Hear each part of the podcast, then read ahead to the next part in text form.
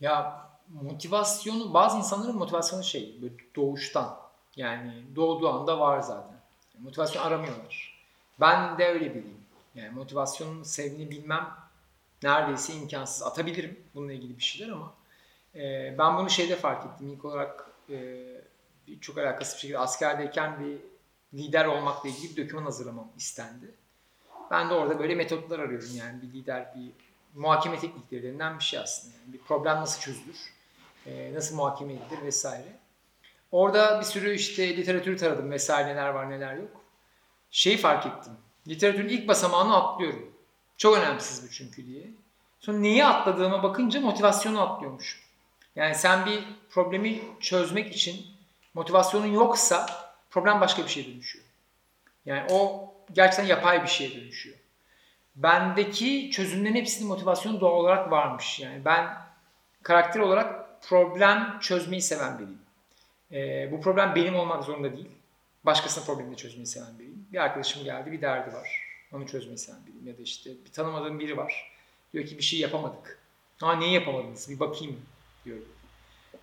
Buradaki bence tek ayrım şöyle oldu.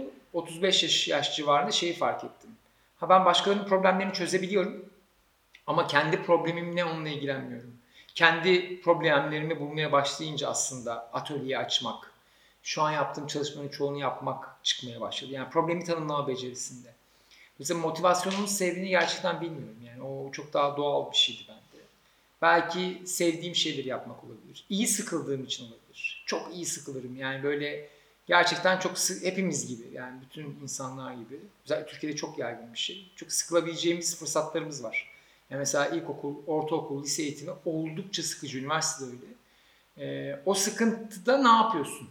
Bütün problem bu. Sıkıldığın zaman duruyor musun? Tekrara mı giriyorsun? İşte bir şey bulmaya mı çalışıyorsun? Sıkıntıdan çıkma becerisi aslında baktığında her şey temeli. Ee, bunun üzerine çok uzun yıllar pratiğimiz olduğu için Türkiye'de sebebini bilmiyorum. Nasıl çıktığım hakkında bir fikrim yok.